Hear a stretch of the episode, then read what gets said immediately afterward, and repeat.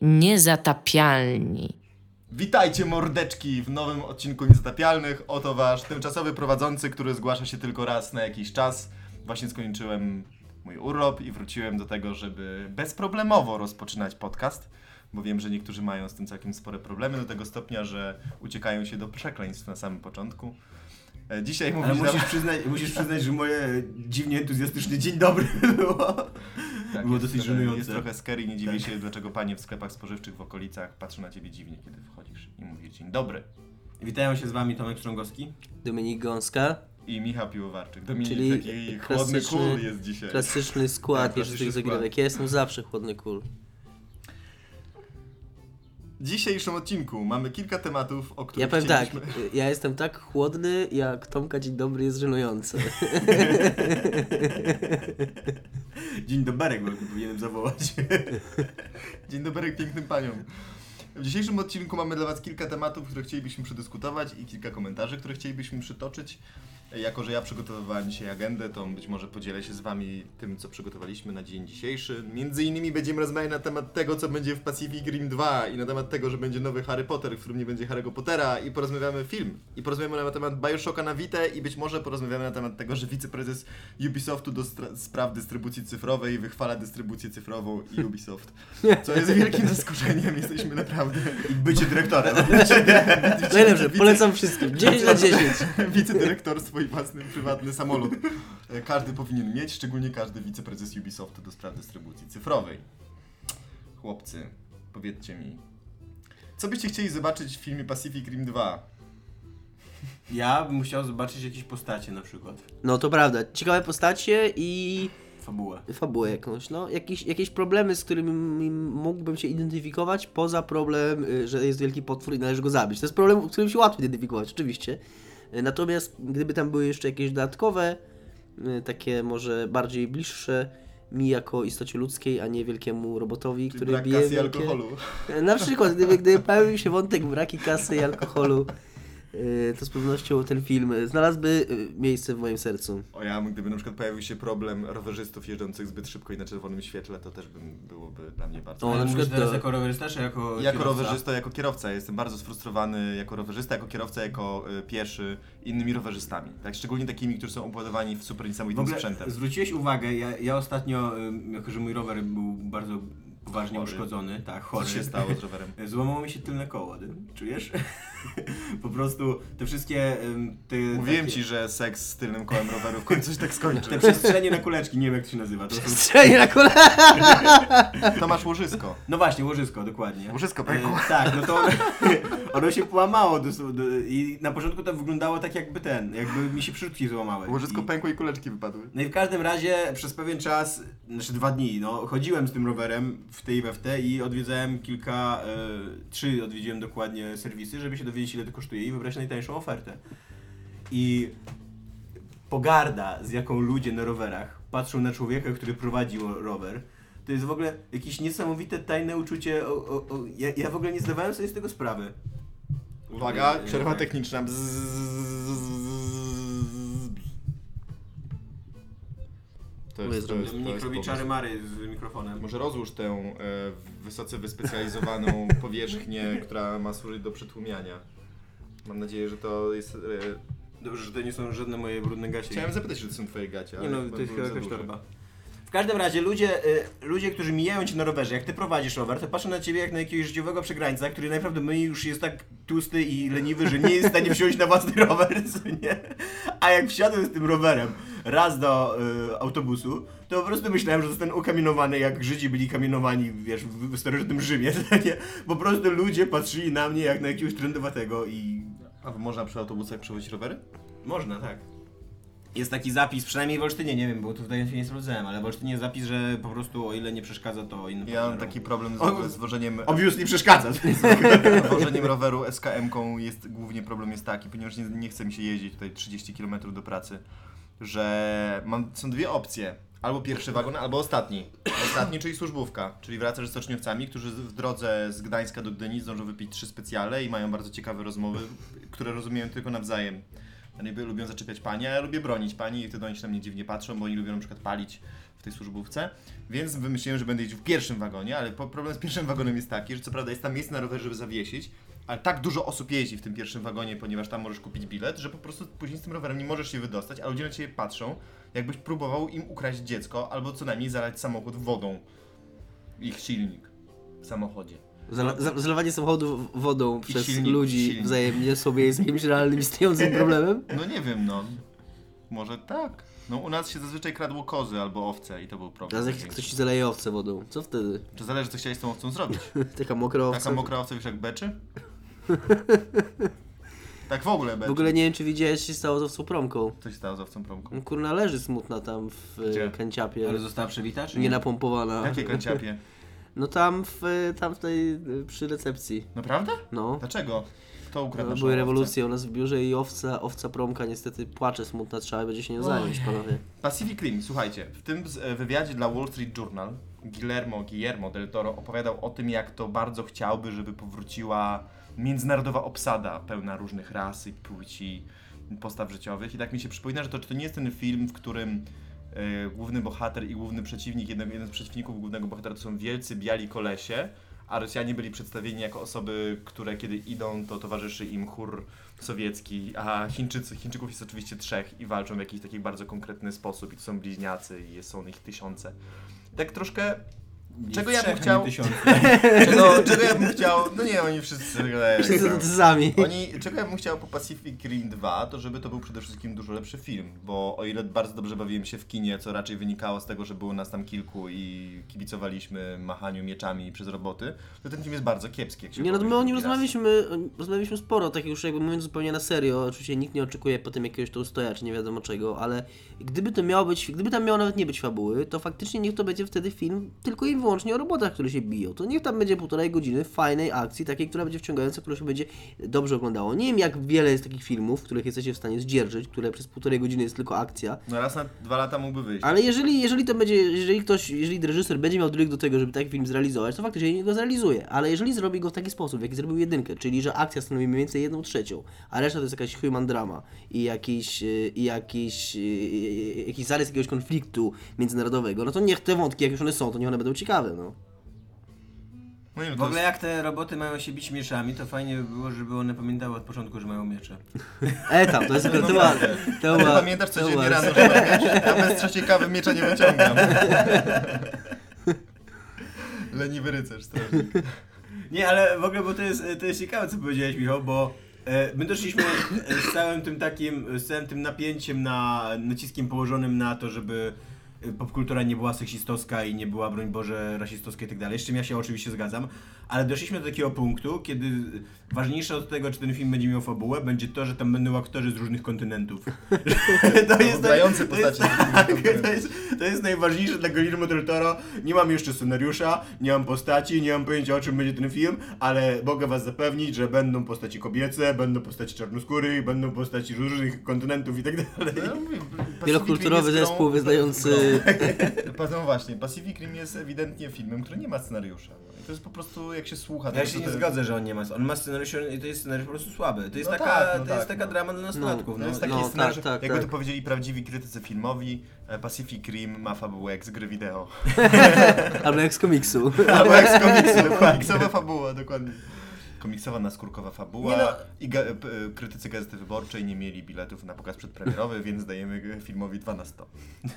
ale A, są takie... prze, prze, no. przerwę tylko szybko, powiem tylko, że w recenzji Nie, to- Openera, Mhm. w recenzji Openera na trójmiejskiej stronie Gazety Wyborczej również pojawił się temat tego, że, e, że na platformie dla dziennikarzy nie było oddzielnej toalety i dostępu do wody, więc musieli chodzić do tych normalnych toalet i że to, to jest tylko takie, oczywiście tylko tak wspomnie, ale tak ciężko się pracuje w tych warunkach, oni po prostu nie są, się z ludem, mówię. oni nie są w stanie po Nie, prostu to, napisać... formułka, formułka z kinem, przepraszam, yy, wrócę do poprzedniego wątku, wygląda inaczej, że producent nie zorganizował pokazu prasowego, co na ogół nie jest dobrym O, znakiem. Tak, tak, tak. Tak. Nie ocenimy filmu, zanim go nie obejrzymy, ale zasugerujemy, że może być Tak, słaby. ale raczej, raczej rzadko się spotyka, żeby to był dobry film, skoro... Nie dostałem koszulki z logo 2 na 10. Tak się powinno oceniać gry. Może tak w sekrecie nawet będę oceniać gry. Kto wie. Widzę, że cię świeżbi y, temat sekretowy. Przegapiłeś poprzedni odcinek. Ja nawet y, y, bujając się na hamaku i czytając sporadyczne informacje, które przychodziły przez bardzo kiepskie łącze po, powietrzne do mojej komórki, doszedłem do wniosku, że nawet nie kupię tego pierwszego odcinka. Tak? Ja chyba kupię. Nie, ja też pierwszego kupię. numeru dałem się raz nabrać i kupiłem podręcznik do nowej wersji Warzone od amerykańskiej firmy, która restartowała tą grę, w, y, grę figurkową i wydali, wydali ten podręcznik, który był beznadziejny, później opróżnili magazyny z figurek sprzed 10 lat, i zamknęli biznes i zniknęli.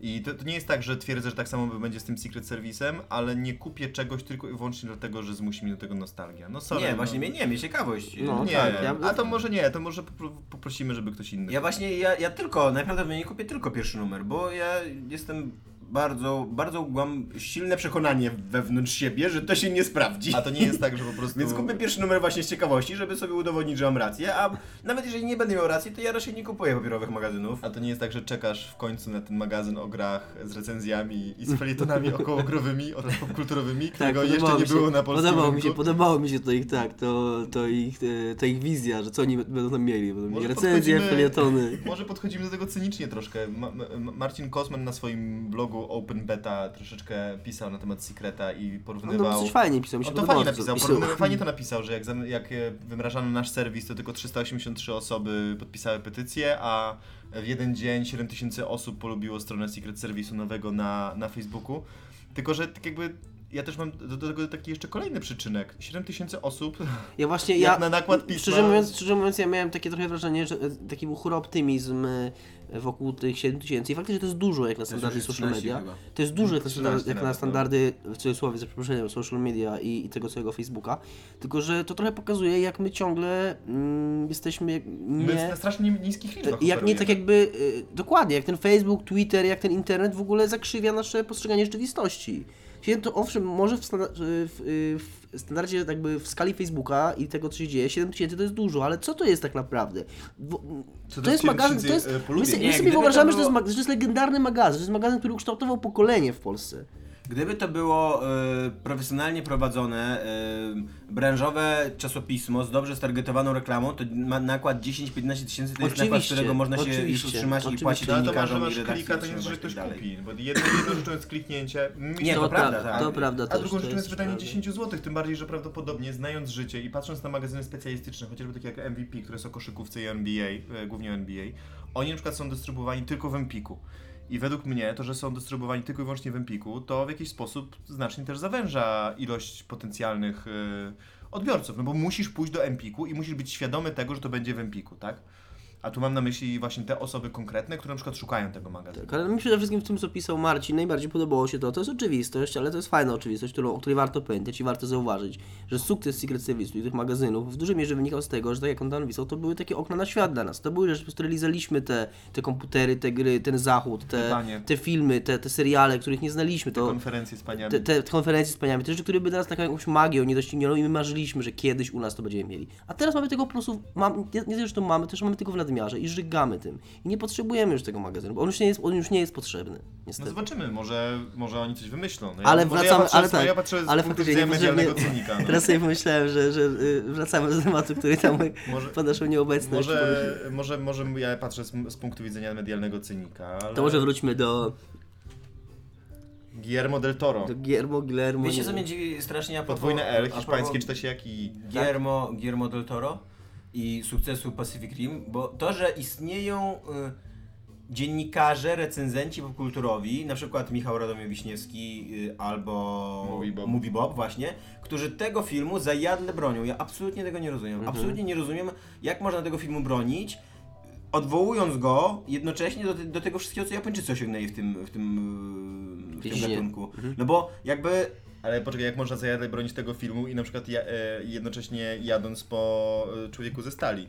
tak, Gdzie tu de facto używa się w tym momencie dwóch standardów, tak? Jednego standardu do filmów o robotach, a drugiego standardu do filmu z zachodniego, fanta- z zachodniej fantastyki. Bo jakby yy, chociażby, chociażby Neon Genesis Evangelion, on pokazał, że można w takim filmie opowiedzieć normalną, y, obyczajową historię, poważną Normalną. dosyć. No ona później przestaje być No normalna. ona od początku nie jest normalna. Ty nie oglądaj tych nowych Genesis Nie będę oglądał. Tam się Ja- w trzeciej części dzieją takie rzeczy, że Ja czytałem No. mangę i mi wystarczy. Ale nie, ja będę bronił Genesis Evangelion, bo to jest dla tego targetu takiego 15-25, ja uważam, że to jest naprawdę dobry serial. 10-15. E, I ym, nie, nie. I biorąc pod uwagę to drugie zakończenie, które nakręcili, jak się pierwsze nie spodobało nikomu, to, to on jest dobry, co nie? To, yy, to End of, End of Evangelion, bo nie wiem czy wiecie, ale Evangelion ma dwa zakończenia. Nie, nie wiedzieliśmy. Ale serial, tak? Nie, to, nie Tak, ten mini serial. serial nowy. Najpierw nie, najpierw wyemitowali ym, zakończenie takie awangardowe, mógłbym to powiedzieć. Głównie ono wyglądało mniej więcej tak, że serial o wielkich robotach walczących z wielkimi robotami, z wielkimi potworami zakończył się takim białym ekranem i postaciami siedzącymi na tym ekranie i przemawiającymi rzeczy w stylu jestem taki skrzywdzony, nie wiem jak się odnaleźć w życiu, a ktoś inny mówi musisz się otworzyć i on wtedy siedzi na tym białym ekranie i mówi tak, chyba powinienem się otworzyć i to było, to było coś takiego. To brzmi nie po końcu jak końcówka Lostu. I tak. I to się dosyć nie spodobało fanom, nie wiem dlaczego. I wtedy nakręcili, wtedy postanowili nakręcić End of Evangelion. Tak się chyba dzieje, odcinkowe. kiedy ktoś zbyt poważnie traktuje swoje dzieło popkulturowe. To się często zdarza niestety, że to na przykład często się zdarza również Tremu Pratchettowi, który potrafi napisać 90% dobrej książki i w ogóle fa- to w fantastyce fantastyce się zdarza i w science fiction i fantazy. To jest 50% w ogóle powieści tak naprawdę, że masz 90% książki jest fantastyczna, a 10% i rozwiązanie w ogóle całej historii to już jest pierdolenie. To już są głupoty, to już jest wyciąganie z dupy jakichś teorii, jakichś w ogóle pomysłów, jakichś artefaktów i tak dalej. To na przykład jest największy problem China Mieville'a.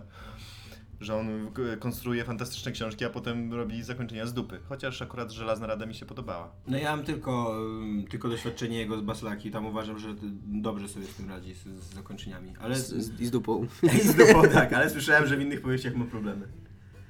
Ym, Porozmawiamy o czymś ciekawym, a nie znowu o tych książkach waszych. Dobrze, Dominik. Y, Bioshock. Bioshock na widzę. Przeczytałem dzisiaj newsika w internetach, y, jak miałem chwilkę wolnego w pracy, o tym jak to Ken Levin... Pomiędzy ale byciem, tylko w przerwie na posiłek, co nie? Ken pomiędzy Levin... byciem zajebistym, Nie, a bardzo byciem rzadko, cool. bardzo rzadko mam niestety wolne teraz w pracy. E, Jak to Ken Levin y, opowiadał o tym, jak miał wyglądać Bioshock na Vita. I szczerze mówiąc, to co on opowiadał, mi się wydaje, że on to opowiadał głównie dlatego i przede wszystkim dlatego, że ta gra już nigdy nie powstanie, więc może e, takie rzeczy mówić, bo wątpię, żeby oni coś, na, na coś takiego dali mu pieniądze. No ale on twierdził, że to miała być e, taka turowe RPG taktyczne w rodzaju Final Fantasy Tactics. Że tak to miało wyglądać, bo on sam jest dziwką na e, gry turowe, czyli że je bardzo lubi, to znaczy być dziwką. E, I, I że taką grę chciał zrobić. na tym polega bycie dziwką, na lubieniu tego, co się robi? Myślę, że możesz się kiedyś bardzo rozczarować. Na kupowaniu gier, które się robi. W ofercie pracy to było Miłość do pracy. Miłość, tak. Wymagana. No, no. I to, co on powiedział, że miało ciekawie. A, i że miałeś to działać w Rapture przed jego upadkiem. To też jest taka ulubiony, to jest ulubiony sposób, tak, żeby zagrać na uczuciach graczy, że o, Rapture przed upadkiem, to wszyscy chcieli zobaczyć zawsze. Ja nie rozumiem, dlaczego chcieliby zobaczyć Rapture przed upadkiem, skoro Rapture po upadku idealnie pokazuje, jak wyglądał Rapture przed upadkiem. W sensie to jest Tak, tak, właśnie, że to prawda. to jest w ogóle zadziwiające, bo to, to, To jest było- bardzo to, to, Tak, bo to zazwyczaj dotyczy takich dystopijnych tworów kultury, że tak jakby z tego, z tej dystopii wynika to, jak ta utopia miała na początku wyglądać. I radość z odkrywania tego dzieła polega na tym, że potrafisz porównać efekty tego, co się działo, z tym, jak to miało wyglądać. Więc dlaczego ktoś jeszcze chciałby, żeby, żebyśmy zobaczyli, jak wygląda? No, jak widzisz rozwalony globus z napisem tam 1962 i tam Sylwester, tak? Leży w, w, w kałuży krwi, to myślę, że nie trzeba zbyt dużego wysiłku intelektualnego, żeby wyobrazić sobie, gdzie on wcześniej wisiał i do czego Jak wyglądał, i co to jest. Tak, to w tym DLC bardzo dobrze widać. W tym DLC pokazują Rapture przed zagładą. I absolutnie to jest to samo Rapture dokładnie. Tak. Tylko jest trochę jaśniej. Tak, no i jestem sobie w stanie wyobrazić, jak to miasto wyglądało. No właśnie, to jest jakby i- ich mistrzostwo, że oni to miasto stworzyli tak, że ja nie, nie potrafię, nie, nie, nie, nie muszę absolutnie sobie wyobrażać. No tak, no. Znaczy nie, nie muszą go Znaczy, pokazywać, nie jak pokazywać, wyglądało. tak, no właśnie. No, bo to jest- próbował zrobić przecież George Lucas z nową trylogią Gwiezdnych Wojen. Po co pokazywać, jak wyglądała Republika, skoro wystarczyłaby nam całkowicie, wystarczyłby całkowicie nam sen o Republice z, ze z podstawowych Gwiezdnych Wojen. Te tajemnicze Gwiezdne Wojny są dużo fajniejsze. Ta tajemnicza Republika, fantastyczna i pełna ideałów i miłości i tolerancji, była dużo fajniejsza niż to, jak ją pokazano. To prawda. Gdzie może Jar Jar Binks biegać swobodnie. Ja, ja w ogóle miałem taki problem z tym, że zawsze sobie wyobrażałem, że nie dość, że Republika trwała tam tysiąclecia 10 bodajże, tysięcy, co nie? No no. właśnie. To jeszcze też miałem wrażenie zawsze jako No bo tak, no bo młody fan, że trwała. Imperium też trwało. No. Że to jest jakiś No tak, to długi... prawda. Bo Republika tak, i Republika Okres trwała długo, nie? no. Ale, ale Tak, że... 10 tysięcy lat, chyba Michał ma rację. No tak, a że Imperium też... A to też- Imperium nagle się okazuje, że on trwał 30 lat, no to, nie jest jest jakieś Imperium. splunięcie w historii tego świata. Jakiś, I co, i No. to jest naprawdę takie, takie zagrożenie, a podejrzewam, że takie, na- wiesz, w 10-tysięcznej y, historii, no to takie y, rządy gorszych władców to się trafiały raz na tysiąc lat, no takie 30-letnie, że nie? No to są te rozdziały w historii, które się zazwyczaj załatwia jednym Tak, akapitem. taki, tak, dokładnie, taki Joda powinien siedzieć tam, e, Binder Dandacy, nie po prostu przeszekajmy. No dokładnie. Lećmy na lody. Na lody lećmy. Ale e, Na lodzika. e, wracając do, e, wracając do Bioshoka, to ja... Wraca, e, ja e, Fajnie, czytając, e, czytając te tweety Kenelewę. e, Kenelewę, Witełka olewę. e, tak, ja m, przede wszystkim mnie to wkurza, to są tweety. E, strasznie, mnie, strasznie mi irytuje to ograniczenie kontaktu z fanami do twitterowania. 160 znaków. I tak, i no, no to jest po prostu moim zdaniem niepoważne dla poważnych twórców. I to, że coraz ważniejsi jakby ludzie Ja nie, się- ja używam. Powiem ci żart, Michał, o, o Twitterze, który Tomkowi już pokazywałem, tylko on będzie po angielsku. Nie, wiem, czy pokazuj widziałeś. żart. Powiem ci żart. Pokaż mi, O Marcin, o tym, jak się nazywa, jak się nazywa ten typ o Gry o Tron? Ten tam, George Martin. George Martin. Thank you George R. R. Martin for joining Twitter, because no one can waste 160 characters at a time like you. To widziałem chyba. To... Ja ostatnio oglądam Grę o Tron. Jak Właśnie zajebiście jest. skończyłem drugi sezon. I co, dobrze jest? E, jest dobrze. Tak? Jest dobrze. Ja kiedyś zacząłem oglądać Grę o Tron. No bo wystarczy lesbijski obejrzałem seks, cały już jest pierwszy dobrze dla sezon ciebie. i później mi się wyłączył. No nie, właśnie ja, nie. ja tak w- po, po trzech, czterech odcinkach, kiedy jest tak, tako katowanie prostytutką nogi od stołu? To jest początek drugiego sezonu, nie? Trzeci albo czwarty odcinek. No to ja w tym momencie mniej więcej odpadłem. Mówisz, że jest tak, że... E, tak, mi się podoba. Ba bardzo, mi się, bardzo mi się podoba to przede wszystkim, że nie znam powieści, więc y, wszystkie te emocje w stylu to było inaczej, albo o mój Boże, co nie, jak oni to zmienili i tak dalej, no to, to mi zupełnie odpada. Ja w ogóle nie rozumiem, jak może być, jak można czytać książki, tak, być fanem książek i nie cieszyć się z tego, tak jakby oglądasz serial z takim y, trochę wściekły na siebie, że czytałeś książki, więc wiesz, co się wydarzy, a jak coś zostaje zmienione, to jesteś wściekły, No, tak, zmienione. tak, tak. Jakby to taka, taka ogromna jakaś taka, nie wiem, hipokryzja, wielobiegunowość A- myślenia troli internetowych jest niesamowita. A z drugiej strony, y, jako że pracuję niestety w popkulturze, teraz y, jak przyszły takie czasy, to już niestety pracuję w popkulturze, nie?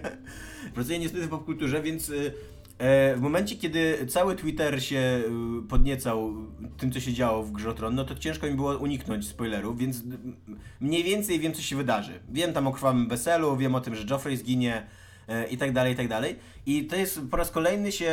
Ale to, to, że Joffrey zginie, to tak akurat jest rzecz, której się wycz- wyczekuje.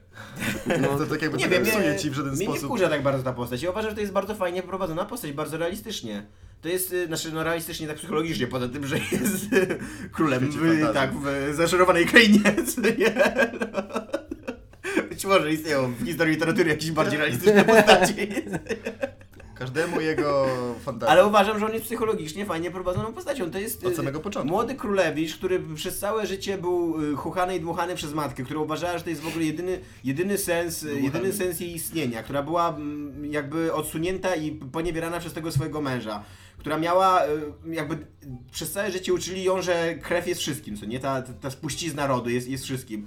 I, i, I ona tak wychowała tego Joffreya i to ma, to ma mega sens. I I to jak... rozumiem, nie rozumiem, dlaczego wszyscy się dziwią, że jest krwawe wesele, jeśli ciągle wszyscy powtarzają, że krew jest wszystkim. No to jest swój najważniejszy dzień, chcesz, żeby był pełen krwi. I to jak, e, to jak później wszyscy są rozczarowani tym Joffreyem, ale też jakby zdają sobie sprawę, że nie mają wyjścia, no że sami się wpakowali w taką sytuację, że skoro już doprowadzili do tego punktu, no to, no to muszą w tym, w tym tkwić, nie? I, i, I to mi się bardzo podoba, ale z drugiej ale właśnie zauważam po raz kolejny, że w ogóle nie psują mi zabawy spoilery, jeżeli... No bo to jest, to jest naukowo, historia. no. To jest udowodnione naukowo. Tak, że spoilery nie Podobno psują tak. odbioru. Tak, czytałem ten artykuł kiedyś, ale brzmi to nawet dosyć zabawnie. To, że spoilery nie psują odbioru, jest udowodnione naukowo. Znaczy, myślę, że można zostawić ten temat, nie poruszać go po raz kolejny. Możemy użyć Dominika ulubionych słów, takich jak teoria i twierdzenie. Nie, nie, wiesz co, ja po prostu, ja się A zgadzam to- z Tomkiem, ale nie, nie, nie trzeba tego w koło Macieju powtarzać, nie? Czego? No jeden lubi spoiler, drugi nie A, lubi. Ja uważam, tego, że, ja no uważam, pewnie, ja no. uważam również, że jeżeli ktoś e, ma taką fantazję, że nie chce wiedzieć, Mhm. Nie, no to ma pewnie, absolutnie to tego prawo, nie? No może Co? być głupi, ja absolutnie No, uważam, że jeżeli, że jeżeli ktoś ma prawo, że jeżeli Wiesz ktoś co, ma fantazję być głupim, Ja ci powiem tak, naprawdę, jeśli już zaczniemy hejterzyć to, w jaki sposób ludzie odbierają popkulturę, kiedy już chcą ją Dokładnie, odbierać i to jeszcze w języku angielskim, tak jakby przy okazji ucząc się języka obcego i to jeszcze fantazy, to znajdziemy się w bardzo smutnym miejscu, w którym tak naprawdę No. nie ma żad, żadnego miejsca w naszych duszach na dobro i piękno. A wiecie co mnie jeszcze wkurza w tym newsie o Bioshocku, poza tym, że on się kontaktuje ze światem Twitterem? E, że to jest kolejny raz, kiedy Ken Levin pokazuje mi, że on poza tym, że jest y, wizjonerem, to jest wizjonerem z bardzo ograniczonym polem widzenia. To jest koleś, który stworzył System Shocka 2, później y, prze... No, p- Znaczy, współpracował no, współpracował przy- przy System Shockie 2. Później wziął te, wszystko z tego System Shocka mechanicznego i stworzył drugą grę na podstawie tego.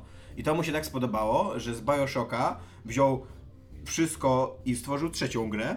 A teraz mówi, ale chciałem stworzyć jeszcze czwartą grę. Wziąłbym wszystko z tych poprzednich gier i połączył to razem z inną ukochaną moją grą. Ale to, jest, ale, to jest, ale to jest coś, co my, o czym my No rozmawialiśmy cóż. w tym podcaście, o którego nazwy nie możemy wymawiać, że przecież, że Ken Levin... Jeszcze możemy wymawiać Że, nazwę. no, że Ken Voldemort, że Ken Levin jest, dopóki Ken Levin nie stworzy czegoś zupełnie innego niż Bioshock, no to będzie twórcą jednego kultowego, fantastycznego, legendarnego hitu, ale wciąż jest to ten sam Bioshock.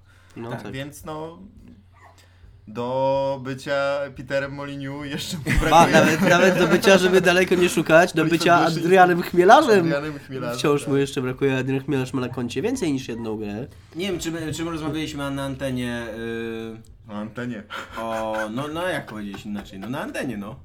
E, czy my rozmawialiśmy o tym trailerze Ethana Cartera? Nie Chyba rozmawialiśmy, Tym, że jest słaby. Są... Jest, w każdym razie tak. Tak, pamiętam, że że rozmawialiśmy, pamiętam, że rozmawialiśmy, że jest tak. strasznie słaby. wygląda jak Że ludziki wyglądają, na że frapsie ludziki scenę z wyglądają Wake'a? kiepsko. Tak, że wyglądają za Ala- te, jakby las za Alan Wake'a, jakieś ludziki z Quake'a 2.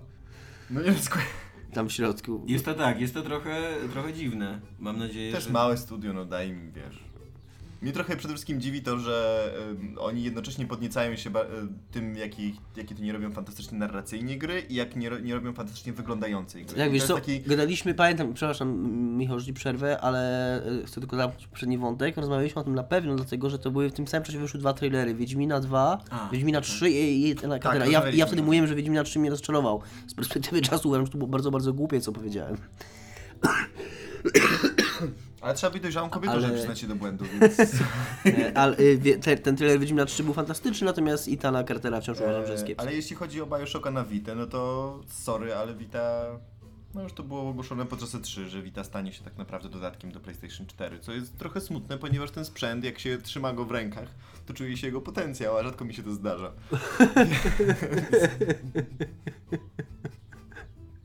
Wrócił Michał, znowu Mateusz Skutnik będzie to wypisał na gadu gadu, że nie można słuchać naszych materiałów e, na głośnikach, jak dzieci biegają. W każdym razie, no trzeba powiedzieć, że no, w jakiś sposób jest to śmierć bardzo fajnej platformy.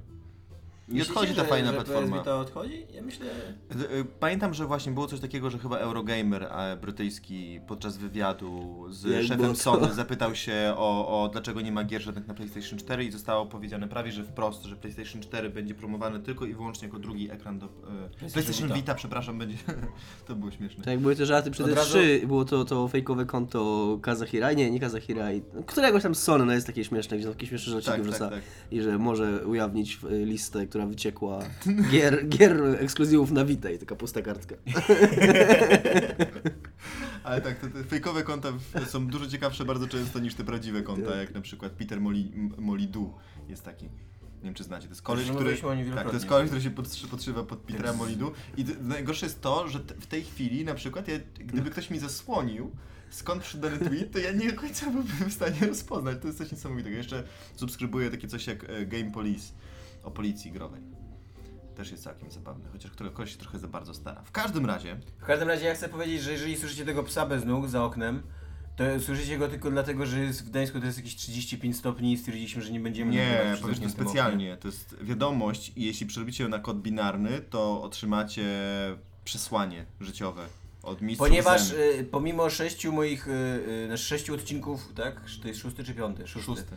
Czyli, że sześciu odcinków powtarzania, że nie będzie lepszej jakości nagrania, wy cały czas czujecie, y, nasi słuchacze szanowni, y, powołanie Niektórzy. do tego, żeby, żeby postulować. Znaczy, nikt nie, może nie, nie tyle bym powiedział, że nie będzie lepszej jakości, bo być może nawet teraz słyszycie, że jest ona lepsza, bo w dużej mierze zależy to również od naszej jakiejś dyscypliny i my to przyznajemy, my o tym wiemy, yy, że, że no jest trochę ciężej nam, jak nikt nie stoi nad nami z batem i musimy się tego trochę nauczyć, no ale w takim zakresie, w jakim jest to możliwe, to się wiele nie zmieni, tak?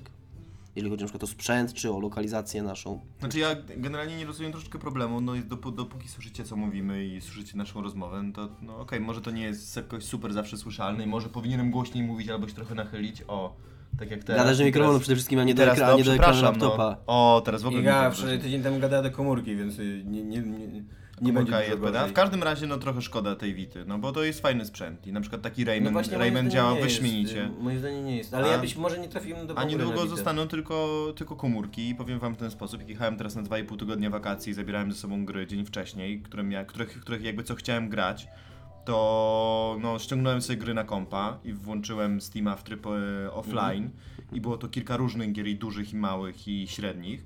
Ale na komórce tak naprawdę nie spędziłem ani minuty, a mam sporo kupionych również gier w bundlach na komórkę i to wszystko dobrze bardzo działa. Te gry po prostu są, to znaczy- są po prostu mało ciekawe i nie są w ogóle jest, jest jedna sprawa, że gry są mało ciekawe, a druga sprawa, one potrafią być ciekawe, tylko niestety to jest trochę, yy, to jest taki trochę miecz, który, który ma dwa ostrza. Bo z jednej strony tak się dużo mówi o tym, że to jest tak dobre, że komórka jest urządzeniem, miecz z z urządzeniem które, y, które ci towarzyszy przez cały czas i ono jest wielofunkcyjne, więc możesz na nim dzwonić, zawsze masz przy sobie w odróżnieniu od konsoli, ale z drugiej strony ty na telefonie właśnie dlatego, że on jest ci potrzebny do dzwonienia, to ty chcesz, żeby móc z niego zadzwonić w razie czego, a nie e, wyczerpywać baterię na graniu w grę. A niestety, niestety współczesne smartfony mają tak, że jak sobie w taką grę w autobusie pogram godzinę jadąc do pracy i godzinę jadąc z pracy, to istnieje duże ryzyko, że już wieczorem, jeśli go nie naładuję, to mi się po prostu rozładuje przez to. Najwięcej grałem chyba na komórce w tą tę grę a o spadaniu. Że spadasz w dół i musisz. Spadasz w dół, że spadasz bardzo szybko i musisz zaliczać kółka i, i, Mm. i tego typu te rzeczy. I, no ale tak naprawdę prawdopodobnie spędziłem razem przy niej może 40 minut. No i tak, to jest argument, to jest Ale argument za konsolami, to jest mobilna- argument za konsolami przenośnymi, który, który do mnie trafia, że bateria, no. Ale ja bym właśnie, ja bym y, chciał to odwrócić. Ja, mi się wydaje, że nie ma nic złego w tym, że taka Vita umrze. Trochę to w to, że 3DS umrze, to, to nie wierzę. Głównie dlatego, że mam 3DS-a i nie może umrzeć. E, ale, e, bo właśnie wydaje mi się, że jeżeli handheldy y, wymrą i już nie będzie, nie będzie sensu pro, produkować gry na to, to ludzie, którzy będą chcieli, twórcy, którzy będą chcieli robić poważniejsze gry na konsole przynośne, przejdą na mm, telefony. I po prostu będą się pojawiały bardziej rozbudowane, fajniejsze, droższe być może niż, co, niż ten ale dolar. Powiem ci, że jaka jest moja reakcja, kiedy wiedzę, widzę na przykład na A chyba- komórkę, na komórkę na przykład grę, która kosztuje 30 zł. Robię pff. I tu są gry w stylu Final Fantasy. Nie Domek też tak masz. Widzisz grę w iTunesa, która Tak, kosztuje... tak mam? Nie, ty nie masz, ty kupujesz wszystko. no nie wiem, nie, no ciekawy jestem w ogóle. masz tak? Czegoś dałem. No widzisz kupiłem czasami- parę gier za takie pieniądze. Kupiłem Final Fantasy tak za 30 No. zł. I grasz w nią jeszcze? A wydaje mi się, że No, rewolucja... Nie gram, ale... A, ale... okej, koniec rozmowy. Tomek, mów co mówisz. Wydaje mi się, że Nie, Dominik, rewolucja- Dominik oczywiście ma inne podejście niż ja. Znaczy nie wiem jakie mam podejście, może, Powiedz, może bym powiedział, gdybym dostał szansę. A nie wolałbyś, żebym ja powiedział, jakie masz podejście? Nie no, tak nie byłoby wygodniej dla wszystkich? Ty nie musiałbyś nic mówić, ja nie musiałbym Ja tobą no ja, ja nie będę szczególnie oryginalny, bo w tym temacie już nie ma nic oryginalnego, nic do powiedzenia. Na telefonie po prostu koniec końców nie gra się tak wygodnie. To nie jest problem tego, że te gry są bądź nie są dostatecznie złożone, bo to Final Fantasy Tactics jest fantastyczną i bardzo złożoną grą. Tylko, że mm, granie na relatywnie małym ekranie, w momencie kiedy i tak y, ze jedną trzecią, jedną czwartą tego ekranu zasłaniasz swoimi paluchami, w zależności od wielkości paluchu może być to więcej bądź mniej, Lub nie paluchami. yy, lub nie paluchami, no to to jest po prostu średnio wygodne, no i zawsze tak będzie. Dedykowany sprzęt czemuś zawsze będzie lepszy do tego czegoś, do czego jest przeznaczony, niż sprzęt, który ma być do wszystkiego, a w teorii, a w praktyce jest koniec końców do niczego, albo przynajmniej dobry do tego, do czego faktycznie jest, czyli taka komórka do dzwonienia, przeglądania internetu, SMS-owania, słuchania muzyki być może, ale czy grania w gry? Nie Padłeś wiem, trybkę niekoniecznie. Nawet zacząłeś niekoniecznie. akcentować na ostatnie sylaby. Tomku, udzielam ci głosu. E, nie mam ni- nic do dodania w tym. Jaki to mamy temat jeszcze? O, o, dobra, jaki temat tutaj. Fantastyczne zwierzęta i jak je znaleźć. To jest tytuł książki, która ma 54 strony, która została 54 wydana... ma ta książka? Tak, która została wydana po czwartym tomie Harry'ego Pottera, która została napisana przez J.K. Rowling w celu zebrania pieniędzy na fundację Comic Relief, którą Warner Brothers chce rozbić na trzy filmy. Zatrudnili Petra Jacksona do tego? Ale myślę, że Peter Jackson miałby problem. No, nawet Peter Jackson mógł mieć Myślę, ten że problem. nie, myślę, że... Podobno J.K. Rowling nawet będzie pisała scenariusz, będzie się rozgrywało to 70 lat przed Harrym Potterem, Harrymi Potterami, pierwszym Harrym Potterem. No i będzie prawdopodobnie opowiadało o fantastycznych zwierzętach i jak je znaleźć. Znaczy, Jadą tam psy bez nóg, czy to jest fantastyczne zwierzę? To To jest zależy, z której strony patrzysz. podstawowe, podstawowe jak dla mnie jest fantastyczne. Podstawowe- Mój spełnia wszystkie funkcje, które były w instrukcji. Turla się, czyli... Tak. Fantastyczny pan pies bez nóg. Fantastyczny pan pies bez nóg. Nie, już był przecież ten film o lisie. Chciałem powiedzieć, że to jest świetny tytuł, ale ty tylko Tak, ja nawiązywałem do tego filmu właśnie, właśnie. no. mutantowałeś. Przepiękny tytuł. Potrafisz spalić każdy dowcip, nawet nie swój, co? Tak, świetnie mi w tym idzie. Ja jestem bardzo dobry w wyjaśnianiu dowcipów. Ja odkryłem w ogóle lata temu, że jak ktoś na przykład rzuca bardzo chamskie dowcipy na publicznym mailu w firmie, najlepszym sposobem, żeby tą osobę zamknąć, jest wyjaśnić jego żarty w mailach, prawda? Wtedy ta osoba jakoś przestaje, przestaje mieć ochotę na to, żeby rzu- rzucać takie żarty. Jestem w tym świetny. Absolutnie nie dziwi mnie, że będą ekranizowali tą, tą, gi- tą książeczkę. Dziwi mnie, że zrobią z tego trzy filmy, że planują zrobić z tego trzy filmy, ale A to jest poważnie, czy to jest jakiś żart? Tak, nie. o Wow. Hobbicie już mnie to chyba nie szokuje. Bo, Bo hobbici umówmy się, nic nas już nie szukuje. no, no... Co, co, jakiego ty hobita oglądałeś? Cię nic nie szokuje, no. Chyba nie Znaczy- oglądałem wersji rozszerzonej. Uważam, że to, co Peter Jackson zrobił z Hobbitem jest trochę szkodliwe. Ech. I no przede wszystkim to nie są um, dobre filmy. No, to są dosyć przeciętne filmy. Ale nie rozmawiajmy o Peterze Eee. Jacksonie. Rozmawiajmy o... A, a z, z kolei filmy Harry, Harry Potterowe są bardzo dobre. Mi się, ja jestem wielkim obrońcą całej, całej siódemki. Tam chyba trz, piąta część mi się nie podobała. Ośmiologii. Oś, os, ósemki, tak masz rację, bo oczywiście ostatnią powieść też trzeba było rozbić na dwie części. Oktalogii. Jestem, y, jestem wielkim obrońcą, uważam, że to są rewelacyjne filmy i że to jest y, Harry Potter mojego pokolenia. Nawet napisałem jakieś takie... Gwiezdne Wojny. Gwiezdne wojny. Gwiezdne Wojny, tak, mojego pokolenia. E, więc, y, no kurde... Albo klub Pickwicka twojego pokolenia. Mają Albo mnie, kapitan, kapitan Kleks z twojego pokolenia. Tak. Albo Kapitan Kleks. Oliver Twist twojego mają u pokolenia. mnie trochę e, kredyt zaufania. Odyseja twojego pokolenia. Nie. Biblia twojego pokolenia. Ostatnio obejrzałem Odyseję Kosmiczną 2001 Apokryfy. O! od nowa. Też chciałem. To jest film, który trwa 2,5 godziny. I tam się nic nie dzieje. Ten wstęp, który trwa, ta, który jest tam prehistorii, w prehistorii się dzieje, to on nie trwa 5 minut, tak jak zapamiętaliście, on trwa pół godziny. Tak, tam małpy biegają. Tak, i przez pół godziny biegają małpy. Zanim Aktorzy przebrani oni za małpy. lecą w kosmos, to jest godzina tego filmu, No o co ci chodzi? No, czy myślisz, że tak każdy w kosmos Później- chce tak oleci? No to jest. Nie, ale mi się wydaje, że my bardzo źle zapamiętaliśmy ten film. A później te, te, ten bełkot ostatni, to jest i- jeszcze ostatnia godzina tego filmu. Ja powiem ci tak, ja bardzo Te dobrze... ostatnie pół godziny. To ile oni nawet z kosmos? 15 minut? Tam jest z godziny dobrego filmu w tym filmie. Ja, ja bardzo dobrze zapamiętałem oryginalną trylogię książkową. Książki są o wiele lepsze. A kiedy z nieraz je czytałeś? Ale jakie książki? No, to Odyseja prawda. kosmiczna. Ja czytałem jak miałem 20 Artura lat. C. Clarka, no to A nie to, to, polecam. nie są, to nie są nowelizacje? Nie. Nie, ale on chyba pisał naraz. On chyba pisał Tak? książkę Aha. jednocześnie z kręceniem filmu, jakby od razu. Wydaje był mi się, że taki druga i projekt. trzecia część. Ale w każdym razie, no on. Y, film jest też jego dziełem. On tam, Mhm. mm. C. Clark bardzo. mm, No tak, tak, dużo tak, no właśnie ja pracował pamiętam, że to nie było tak, że, że to nie było tak, że to była po prostu ekranizacja. nie? Tak, nie. E, więc e, ogólnie ja byłem trochę. O, to dziękuję, nie będę musiał oglądać. Byłem trochę rozczarowany, tak, Odyseją Kosmiczną Nie mam, ja 2001. już w życiu mam i tak wystarczająco dużo rozczarowań. A z tego zakończenia nie rozumiem nic. Absolutnie. Co nie? Nie, jak ty nie rozumiesz nic. No nie mam pojęcia, co tam się wydarzyło. No, czarna skrzynka lata po kosmosie, no. Nie, no tam jeszcze Że tam było, że, ludzie, że ewolucja, nie? Że on tam ludzie, ewolucję tak, przeszedł no, całą i w ogóle. Tak. Tak, Tak, został jakieś dżungle, jakieś no, jaki, no, No bo nie- tam był- tam- no ogólnie okej, to trochę rozumiem Bo tam był- jak już tak mówicie, Tam miał, nie? być, tam miał być ten voiceover, nie? Usunięty jest ta słynna sprawa, tam Krak o tym pisało, więc wiadomka, nie? Wiadomix. Że, jest, że, że w scenariuszu jest całe voiceover, które ostatecznie reżyser usunął. Który No tłumaczy. może, to nie wiedziałem, że tam miało być. Ale- Tak, miał być, może jest normalnie napisane w, być- sce- w scenariuszu jest może voiceover, który, który Ja widzę, tłumaczy, że- że... on, że on w zetknięciu z tym monolitem, jakby, że, że, że, jako że ten monolit odpowiedzialny jest, tak jak na początku było pokazane, on przyspieszył No. ewolucję człowieka, to ten główny bohater też w starciu z tym, z tym monolitem przechodził błyskawicznie tak, tak, no. ewolucję i staje się jakimś nad... y, No bytem No kosmicznym. nad i jednocześnie pokazują, co się dzieje z tą Europą, że tam powstanie życie i tak dalej. Może ty masz problem z zrozumieniem końcówek. Na przykład mogę ci wytłumaczyć, co się działo pod koniec Harry'ego Pottera. Nie, pod koniec Harry'ego Pottera- Dlaczego jeden z nich musiał umrzeć, a drugi nie. To chyba, wszy- chyba wszyscy rozumieją. Nie, to dla mnie to było bardzo na początku irytujące, bo to zdanie było strasznie pogmatwane.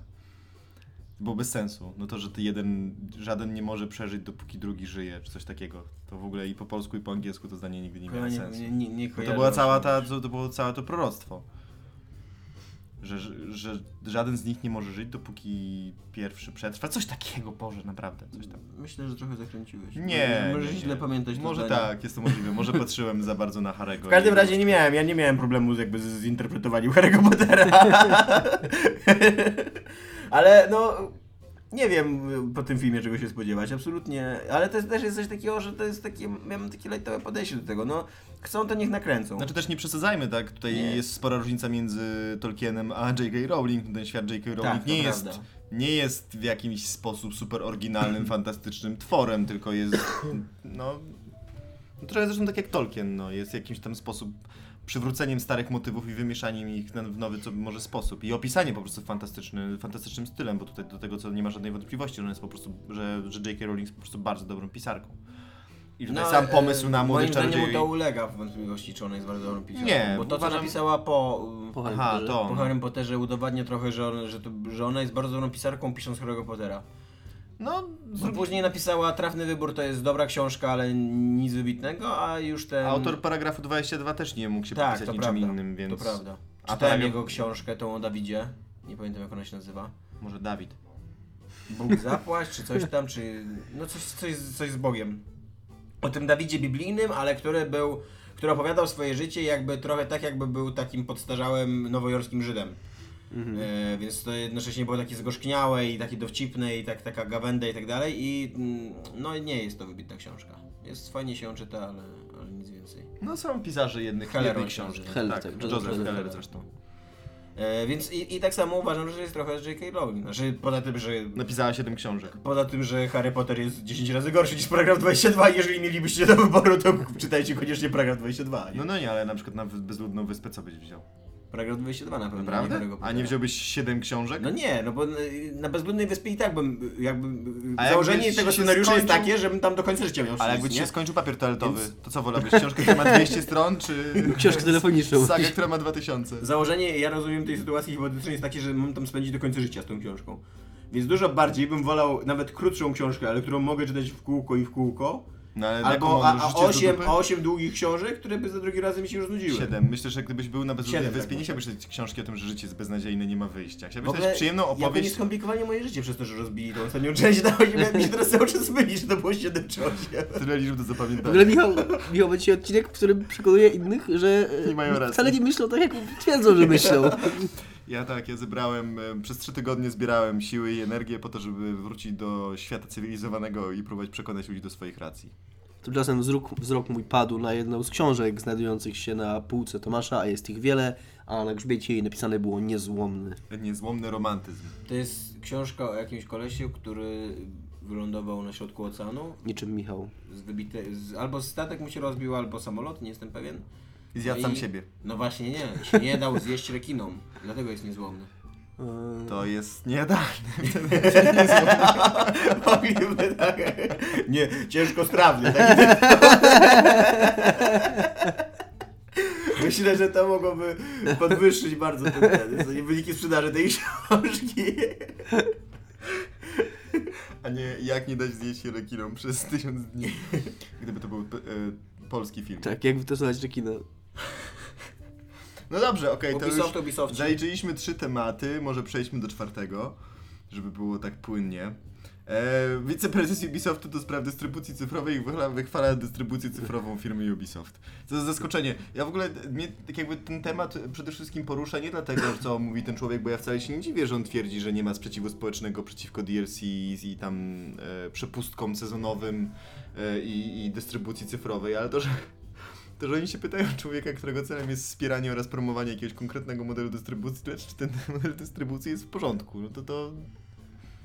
No, No, wiesz, z drugiej strony kogo się mam spytać? Skoro żyjemy, pracujemy w branży, w której nie ma znawców, kiedyś, nie ma wydaje mi się, mam ma... takie, mam takie właśnie wrażenie, że kiedyś na przykład analizowaniem rynku zajmowały się No osoby, właśnie. które nie miały żadnego interesu w tym rynku, czyli na No przykład dobrze, akademicy Michale, albo ale dziennikarze. przedstaw, te, przedstaw temat może. Co właściwie ten pan powiedział? Pan powiedział coś takiego. Po pierwsze, no, a propos tego, że w Assassin's Creed 5 Black 5?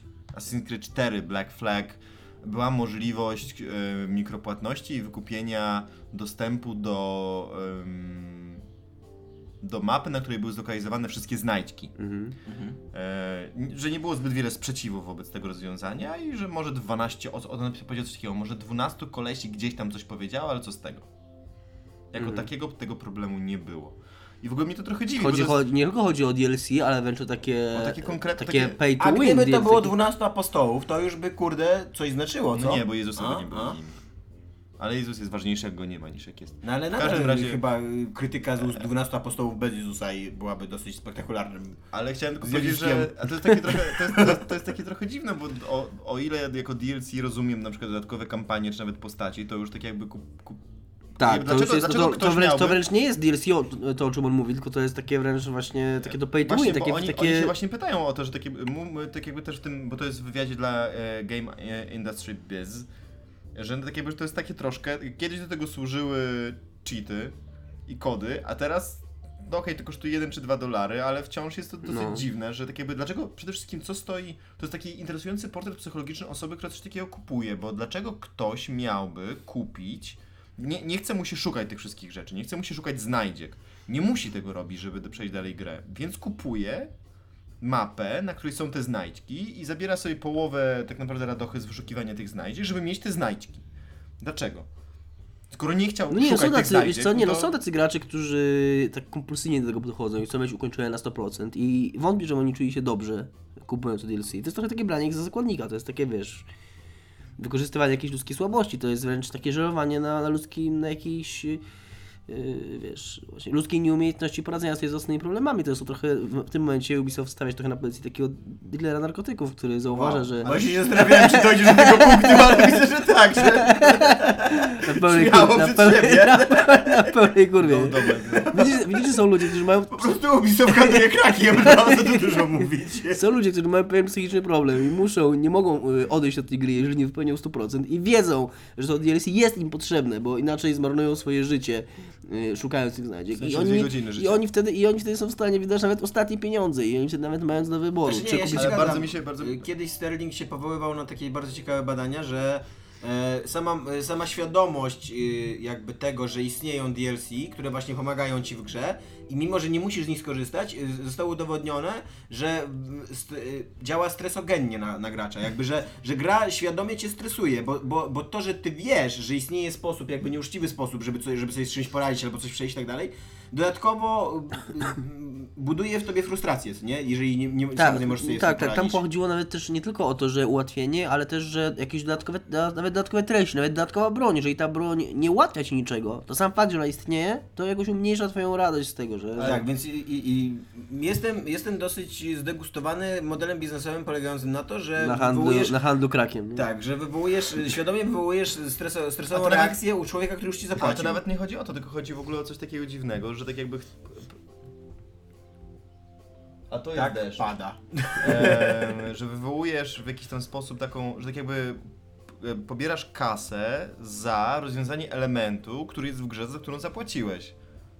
I tak jakby nie chodzi o to, że zapłacić za tą grę, ale tak jakby ten element służy do tego, żeby przedłużyć czas gry, więc to jest tak jakby w ogóle tworzenie jakiegoś takiego sztucznego, sztucznego popytu w ogóle na coś, co wcześniej nie istniało. Jakiś wirtualny, na- za dostęp do wirtualnej rzeczy, którą sprzedać wirtualnej rzeczy za prawdziwe pieniądze komuś. No nie wiem. Ale tutaj o wiele bardziej jest e, fajne zdanie, które Chris Early powiedział dalej w wywiadzie.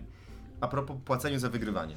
I dlaczego w ogóle daje się możliwość ludziom, którzy na przykład kupili grę, żeby płacili więcej za tą konkretną grę. Znam ludzi, efekt dramatyczny, to e, piorun uderzył.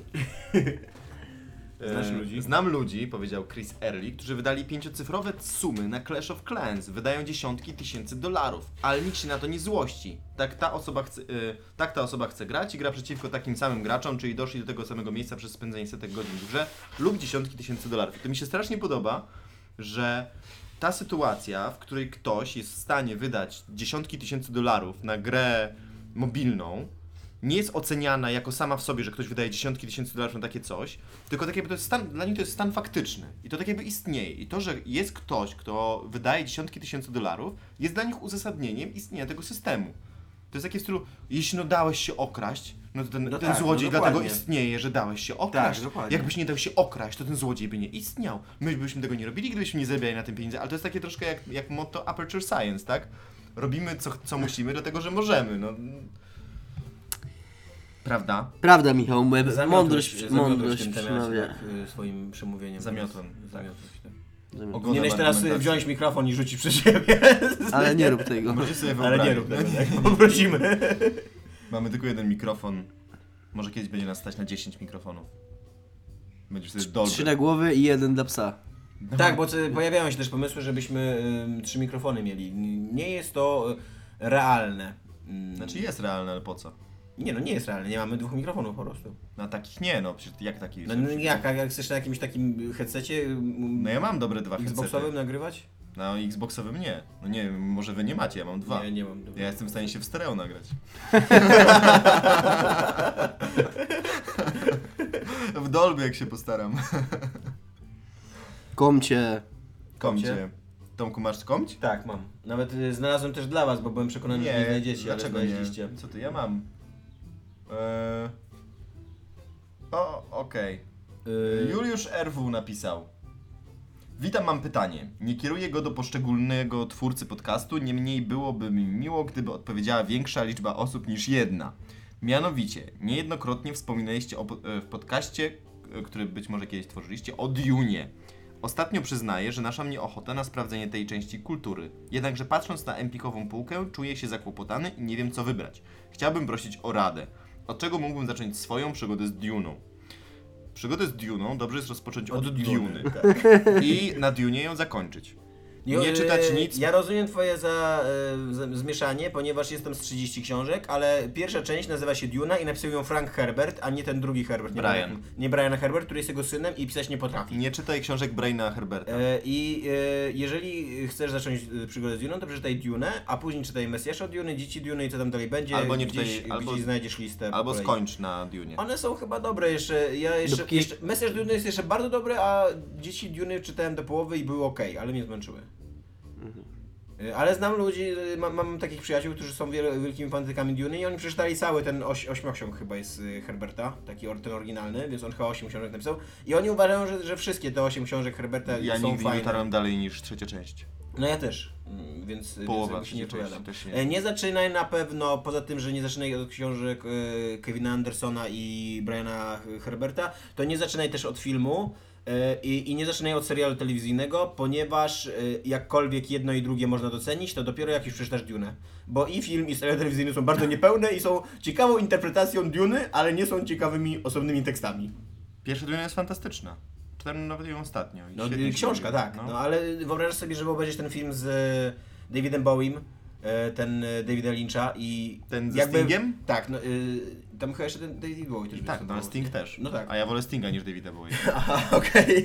Myślałem, że mnie disujesz, że pomyliłem tych, tych y, Nie, nie, piosenkarzy. Brytyjczyków. No i w każdym razie wyobrażasz sobie, żeby obejrzeć ten film, nie znając Nie. Duny i żeby on się komuś podobał. No właśnie, jest to dosyć To jest skomplikowane. bardzo specyficzne. ten Ale film. jak się obejrzy Dune i wiesz o co w tym filmie chodzi, to ja, ja go nawet lubię, nie? I za- Uważam, że to jest dosyć ambitne podejście do tego tematu, nie, ambitna porażka, co nie? Jakby w... No, no tak, No tak, tak, samo z tym no. serialem. Też ten serial, ja go, ja go e, widziałem ze dwa razy. Był kiedyś powstała taka wysoko Tak, pamiętam, na- telewizyjna. Chyba nie na HBO.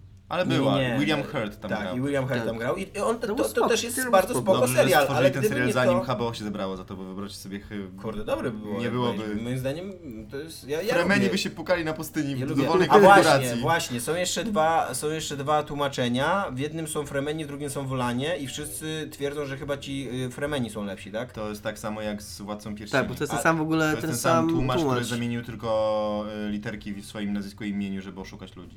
Ja w każdym razie czytałem to tłumaczenie z Wolanami i a, uważam, że akurat to tłumaczenie, samo te, tego słowa Wolanie jest spoko.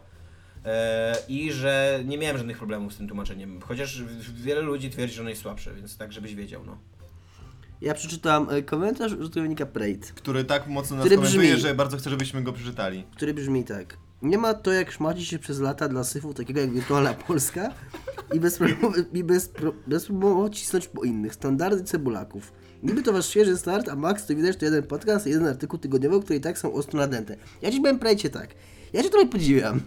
Ja, nie czytam tego komentarza, po to, żeby się do niego odnieść merytorycznie, bo ty najwyraźniej nie potrzebujesz tego, żeby się odnosić merytorycznie do twoich komentarzy, bo gdybyś to potrzebował, to byś dawno już przestał pisać. Także rób swoje dalej. Ale zauważyliście, że on ma w ogóle pełne spektrum reakcji na naszą Ja twórczość? ci, ja ci powiem tak, ja ci powiem tak stary. To nie jest tak, że nas zawsze hejtuje. Keep, keep doing your thing, tak? My to, zau, my to zauważamy. Y, Ty nie zawsze piszesz nieprawdę i nie zawsze nie masz racji w tym, co mówisz. Y, Często trochę przesadzasz w, mm, w tonie, ale doceniamy to, że jesteś, tak powiem. Znaczy ja przynajmniej. Mam w tym, jest w tym jakoś... Yy, yy, no, jakieś, jakąś przyjemność w tym znajduję, że, że mamy takiego wiernego y, y, może nie do końca pozytywnie nastawionego fana, takiego sceptyka. O. O, tak. E, tak. Wiernego sceptyka. Jesteś naszym wiernym sceptykiem. Nieczysto sceptyk taki. Niezatapialno step. E, albo nie stepia. Ty jesteś no, ale nie, on jest, ty jesteś, tak ty dawno... jesteś oryginalnym, niezatapialnym. E, ja mam dwa komentarze, jako że wybrałem dla chłopaków też, e, ale oni nie chcą moich komentarzy, więc wezmę dwa z tego. E, użytkownik Hentai, który ma świetną ksywę, napisał hejka, nagracie może jakiś odcinek z Mateuszem Skodnikiem i ktoś inny jeszcze pytał o Pawela, więc odpowiem, że być może, e, ale nie wiemy i wolimy nie zapowiadać jakby, ale tak znamy tych ludzi, e, widujemy się z nimi dosyć regularnie, rozmawiamy i, i, i jest to prawdopodobne. Jest to- Ja nie tak, wiem, czy to jest dobry pomysł, żeby zapraszać naszego e, speca IT do podcastu, bo sobie coś jeszcze pomyśleć. Naszego, tak, e, naszego człowieka od helpdeska. Naszego, naszego, nasz helpdesk w podcaście, oni muszą znać swoje miejsce. Nie ma tak, że możemy się mieszać. Z Pawelem jest ten, e, myślę, że skutnik jest bardziej prawdopodobny, ponieważ z Pawelem jest problem logistyczny. Pawelo jest dosyć zajętą Duży. osobą, tak, życiową. E, ma Nie, dziecko tak, nie wiem, czy się, zmie- nie, nie wiem, czy się zmieści zmieści, czy, czy wyciśniemy go przez, Eee, przez drzwi do studia. Nie no, ale to staram się szczerze odpowiedzieć na pytanie naszych kochanych użytkowników. Ja bym nie pokazywał Pawelowi, gdzie mieszkasz. Tak, to też prawda. On ma w sobie coś takiego stalkera. E, I e, użytkownik Kwe- Questor pyta, jedno mnie tylko boli, ta strona nie bardzo ma sens i tak najciekawsze dyskusje pod odcinkami są na facebookowej grupie, nawet twórcy są tam, się tam część udzielają, do tego nowe odcinki są przyklejane, więc nawet nie ma sensu tutaj wchodzić, to przykre. I jest to problem, z którego sobie zdajemy sprawę, ale którego nie potrafimy rozwiązać. Znaczy jest, jest proces rozwiązania tego problemu. Jakie? Trzeba zamknąć grupę. Ponieważ właśnie, po pierwsze mamy was w grupie, e, na której jest dwa, 2000 ludzi prawie bardzo. Kiedyś się My mówiło w dupie. nie bardzo chcemy ją zamykać, bo ta grupa żyje i y, się rozwija i są tam bardzo fajne dyskusje i tak dalej, i tak dalej. Więc y, nie chcemy jej zamykać, ale z drugiej strony też nie chcemy odcinać się od tej grupy i nie wrzucać tam nale- naszych rzeczy nowych i tak dalej, więc one tam będą trafiać. Z drugiej strony mamy fanpage'a, na który, który ma taką czysto informacyjną funkcję, tam po prostu będziemy informować, co się dzieje na stronie i tak dalej. A z trzeciej strony jest strona, która jest nasza i którą lubimy chyba najbardziej, mam nadzieję, że się nie mylę, jeżeli tak teraz na was spojrzę którą chyba lubimy najbardziej i ona jest o tyle potrzebna, że gdzieś musimy już dać plik z nagraniem. Facebook nie ma jeszcze takiej opcji. Znaczy i tak przecież lądujesz w końcu na... e, tak. Y, I, Tak? Na stronie, no bo nie ma innego wyjścia. Musisz tak, i e, jakby w związku z tym, że my się udzielamy w grupie najczęściej, dlatego bardzo rzadko bierzemy stamtąd komentarze. Dlatego bierzemy komentarze raczej ze strony i tak też robiliśmy w nieczystych, że braliśmy komentarze ze strony właśnie po to, żeby animować tak. tą... e, My byśmy bardzo chcieli, żeby ten ruch, e, cały ten ruch jakby kiedyś się znalazł w jednym miejscu, ale niestety żyjemy w czasie zdywersyf- zdywersyfikowanego internetu i nie da się tego zrobić, no bo też e, trudno, żebyśmy zrezygnowali z porozumiewaniem się przez Facebooka z wami. Może mam, możemy zrobić jedną rzecz. Możemy przejąć wrogo Facebooka i go zamknąć. Dotychczas nie wiedziałem, co zrobić z moimi pięć- 500 miliardami, które leżą na koncie. Teraz już wiem. Więc mam nadzieję, że odpowiedziałem dosyć kompleksowo. Ale na dziękujemy pytanie. za troskę. Tak, dziękuję. Może przełączymy się na jakiś Discuss na przykład. Discuss jest do- całkiem fajny w komentowaniu. Zachwalali. No. Yy, właśnie jest chyba problem z tym Discussem, ponieważ Iga go wprowadziła tam na jeden dzień, ale trzeba się do niego logować. Tak, tam jest Facebook, Twitter i no jakieś właśnie, tam różne. a, a chyba nie chcemy, żeby był... A co jest nie tak z tym systemem, gdzie nie trzeba się logować, tylko trzeba wpisać jakieś tam dane? Nie wiem, jaki... Nie wiem, co- nie No wiem, tak o jak jest teraz. chodzi. No właśnie teraz jest taki, że można, że każdy może. Każdy No. Tak, że ten Discuss ma tam dodatkowe feature'y, nie? Że No tam ma, możesz ma, ma, powiadamiać, no może właśnie. tam No, Więc no. mi się wydaje, że ten... Ale ja, ja jakby... yy, Jeżeli mamy do wyboru system... Gorszy system, w którym się nie trzeba logować, albo lepszy system, w którym się trzeba logować, to jestem za gorszym systemem, w którym się nie trzeba logować. Bo ja jestem Taki rebel. takim rebelem, tak, internetowym i... Puść komunicję do rządu, naprawdę. Bo mamy rząd niezdapialny, gdy jestem w rządzie. No to sobie życie. Mogę być wicepremierem. Może być wicepremierem, może być premierem nawet. Super. I tyle chyba, co? I tyle. Skoro jesteś premierem, to zamknij posiedzenie. Ja bym chciał, żebyście jakieś gierki nam przysłali. Promeczki jakieś. Bo nie mamy, przestały płynąć promeczki i jesteśmy. Ja bym chciał grę dostać jakąś. Ja dostałem promko od razu. Tomek dostałeś Dostałem ostatnio naszego laga. dostałem drugiego laga, właśnie go dzisiaj odebrałem. Kupiłem sobie grę dzisiaj na Allegro, chciałem się pochwalić, tak już jak sobie luźno gadamy Jaką przy piwku. Yy, jest taki japoński RPG, który mi chodzi po głowie od czasu mniej więcej premiery Final Fantasy XIII, bo on wyszedł w tym samym czasie. Nazywa się Resonance of Fate. I to była taka... Brzmi jak japoński RPG. tak, Brzmi jak coś, co domek, czym domek byłby tak, zainteresowany. tak. Nie, właśnie miałem taką refleksję przy okazji tej gry, bo pojawiły się te sklepy z używanymi grami. U nas są dwa w bliskiej okolicy. Mhm. I dla mnie trochę problem tych sklepów, znaczy ja rozumiem z czego ten problem wynika, bo on wynika z tego, że to jest ciągle dosyć mały rynek, ten rynek gier konsolowych, więc wiadomo, że te sklepy w swojej ofercie umieszczają raczej takie gry, które wiedzą, że się sprzedają. Czyli jakieś y, y, ściganki, strzelanki, znane tytuły, nawet jeżeli stare, to przynajmniej znane, takie, że wiedzą, że jeżeli ziomek z Baby przyjdzie, to sobie za trzy dyszki kupię. Kupi. Moim zdaniem w takich sklepach właśnie powinny być Myślę, takie... że wyjdzie bez baby. Powinny być takie gry, takie gry właśnie, których ty byś nie kupił za normalne pieniądze nigdy. Jakieś takie właśnie japońskie dziwactwa, jakieś takie mniej znane tytuły. Yy, byłbym rad bardziej, gdyby więcej takich gier było w takich sklepach, więc jeżeli prowadzicie taki sklep i chcecie mieć jednego klienta więcej, yy, ryzykując stratę ziomka A ja uważam, że te sklepy powinny być trochę bardziej otwarte na klienta. One są trochę drogie. Bo teraz, nie, to, to, że są drogie też rozumiem, ale nie macie takiego wrażenia, że jak się wchodzi do takich sklepów, to to wygląda trochę jak wejście do sex shopu i tylko tak, wiesz, Nie, to wszyscy jest trzymają się od ciebie z daleka, nikt jakby z tobą nie... Ja bym chciał, żeby te sklepy przypominały trochę takie sklepy, yy, tak jak na filmach, sklepy z To- komiksami i grami, że Ale- jest tam jakiś... jakaś grupa fanów, którzy tam przesiadują, albo... Ale to jest Polska stare, to będzie zawsze wiem. wyglądało jak sklep z planszówkami. No Ale, Wiesz, no to, sklepy ale to mi się wydaje, że to już jest dużo sensowniejsze niż takie właśnie, że wchodzisz do tego sklepu i tak naprawdę siedzi jakiś nie, niemym y, typek za ladą, a nie on się do ciebie nie odezwie. Nie, do mnie, do mnie w tym ty- sklepie, w tym y, Game One, tak on się nazywa, co jest koło Jantaru, to za każdym razem No do właśnie, mnie, do mnie tam się nikt nie tam mnie miły pan z Zalady zawsze pyta, czy w czymś pomóc, a ja zawsze mówię, "Nie, absolutnie nie. Myślę, że ten pan powinien chodzić po sklepie przede wszystkim. I oglądać przez właśnie, ramię. ja właśnie mam takie wrażenie, że on zawsze siedzi tam i ja No, nie on wiem. gra w gry. Czy ja mam go zagadać, czy ja mam tam chodzić i szukać, ale jak chodzę i szukam i nic nie wezmę, to się wtedy czuję głupio, więc na wszelki wypadek tam nie zachodzę. Nie, nie macie takiego... Strasznie dużo Nie, myślisz. Nie właśnie. masz takiego niepokoju, jak wchodzisz do sklepu i za, za długo się w środku, że teraz Nie. kurde głupio będzie wyjść. Już mu tyle czasu zmarnowałem, że nie? Miałem, jak On już miałem- ma tam taką nadzieję, że coś kupi, a teraz ja mam wyjdę. takie coś, jak miałem 15 lat, jeździłem do strony do Empiku i bałem się, że mnie ochroniarz zaraz wyrzuci, jak czegoś nie kupię. Ale teraz już nie. No w każdym razie ja tak mam. Ja bym chciał, żeby te sklepy... Możemy razem chodzić. Żeby te sklepy to były bardziej jak e, sklepy ze sprzedawców. Ja w każdym razie tacy kupiłem, sprzedawcy, którzy właśnie gadają o grach i filmach. kupiłem Resonance of Fate na Allegro, właściwie kupił mi Michał, który ma konto na Allegro. Ale chyba Nie masz jest... konta na Allegro i to ja Wiesz jestem co, rebelem? miałem, miałem, kiedyś konto, miałem kiedyś konto na Allegro, po czym chcieli, żebym płacił jakieś pieniądze i Zamknęli. no, znaczy pewnie tam miałem jakieś 5 zł, bo kiedy coś wystawiałem, ja to olałem. Złoty miałem- do mnie kiedyś pani z kancelarii zapłaciła, bo nie zapłaciłem 80 I groszy. coś tam, i miałem to w dupie generalnie i jako, że tam korzystałem z Allegro raz na pół roku, to w pewnym momencie po prostu to olałem i chyba mam ciągle zamknięte i nie wiem I co. pani było tak wstyd, że dzwoni do mnie w sprawie 80 groszy, że jej aż głos drżał ze śmiechu. Jak mówiła mi, że to, to wysłali mi przedsądowe wyzwanie do zapłaty, a ja w ogóle ile pieniędzy? 80 groszy, ojej. A ile kosztowało wysłanie No. Ja mówię do niej, to ja pani zapłacę złotówkę. Nie, nie, to niech pan 80 groszy koniecznie, bo nie możemy, tutaj będziemy musieli panu to zwrócić. Była tak samo zreżowana sytuacją jak ja. Również, że nie pamiętałem, że mam zapłacić komuś 80 groszy. Przelew mnie chyba Ale jak ja czytałem ostatnio wywiad z takim kolesiem, który y, z takim szefem więziennictwa bodajże pod Słupskiem, e, który właśnie em, walczy z absurdami polskiego systemu prawnego i tam na przykład zapłacił 5 zł bodajże za jakiegoś typa, który dostał 3 miesiące więzienia za to, że ukradł lód, y, loda ze sklepu, co nie, czy tam, czy Coca-Cola, czy coś takiego. I, on, I ten, typ, ten typ był w ogóle niepełnosprawny i on chyba sobie nie do końca sprawę, zdawał, zdawał sprawę z tego, że kradnie i tak dalej, więc koleś przyszedł, zobaczył sprawę i po prostu wpłacił 5 zł, co nie? Za tego loda. I ma teraz gigantyczne problemy. Bo no jakby system już y, przemielił tego człowieka, on już jest skazany i nie można tak po prostu wyrównać szkody i zapomnieć o sprawie. No nie, no to nie działa w ten sposób. On musi odbyć swoją słuszną karę. No właśnie.